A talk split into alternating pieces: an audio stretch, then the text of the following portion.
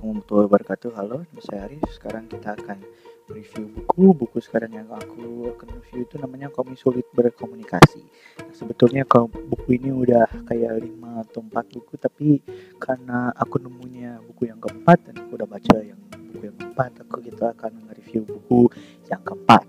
Sekarang di buku yang keempat ini eh, Ceritanya itu, komisan itu lagi ada event olahraga dan dalam buku ini bakal diceritakan tentang event olahraga dan untuk libur lah kalau nggak salah ya untuk di buku dalam ini.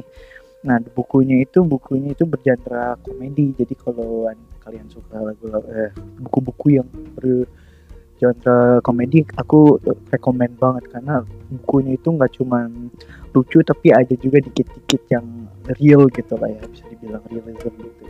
Nah di buku ini juga kalau aku bisa rating dari 1 sampai 5 atau kayak kalau satu tuh bukunya mendingan dibakar atau mendingan dikasih ke temen yang kamu gak suka atau lima lima tuh kayak aduh ini mah simpan aja sendiri jangan sampai ada yang lihat ini kan bukunya kayaknya kalau dijual bisa juta-jutaan gitu ya. Kata aku ini bukunya tuh 4 dari 5 kalau di rating karena bukunya itu bagus dan ya basically lagunya itu siapa yang kita cari kan. Kalau itu juga kalau dijelaskan ya gampang juga untuk aku kan ngejelaskannya simple kan. Cuman cerita tentang orang perempuan yang tidak bisa berbicara yang sulit berbicara.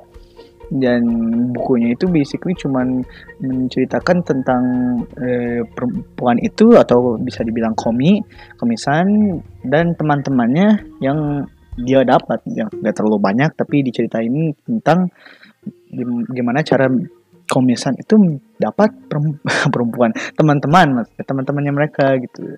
Itu aja dari aku ya. Semoga aku nggak terlalu uh, apa ya namanya pusing untuk mendengar. Uh, semoga uh, informasi yang aku berikan itu helpful ya bisa dibilang. Uh, terima kasih sudah mendengar. Maaf kalau ada kekurangan. Assalamualaikum warahmatullahi wabarakatuh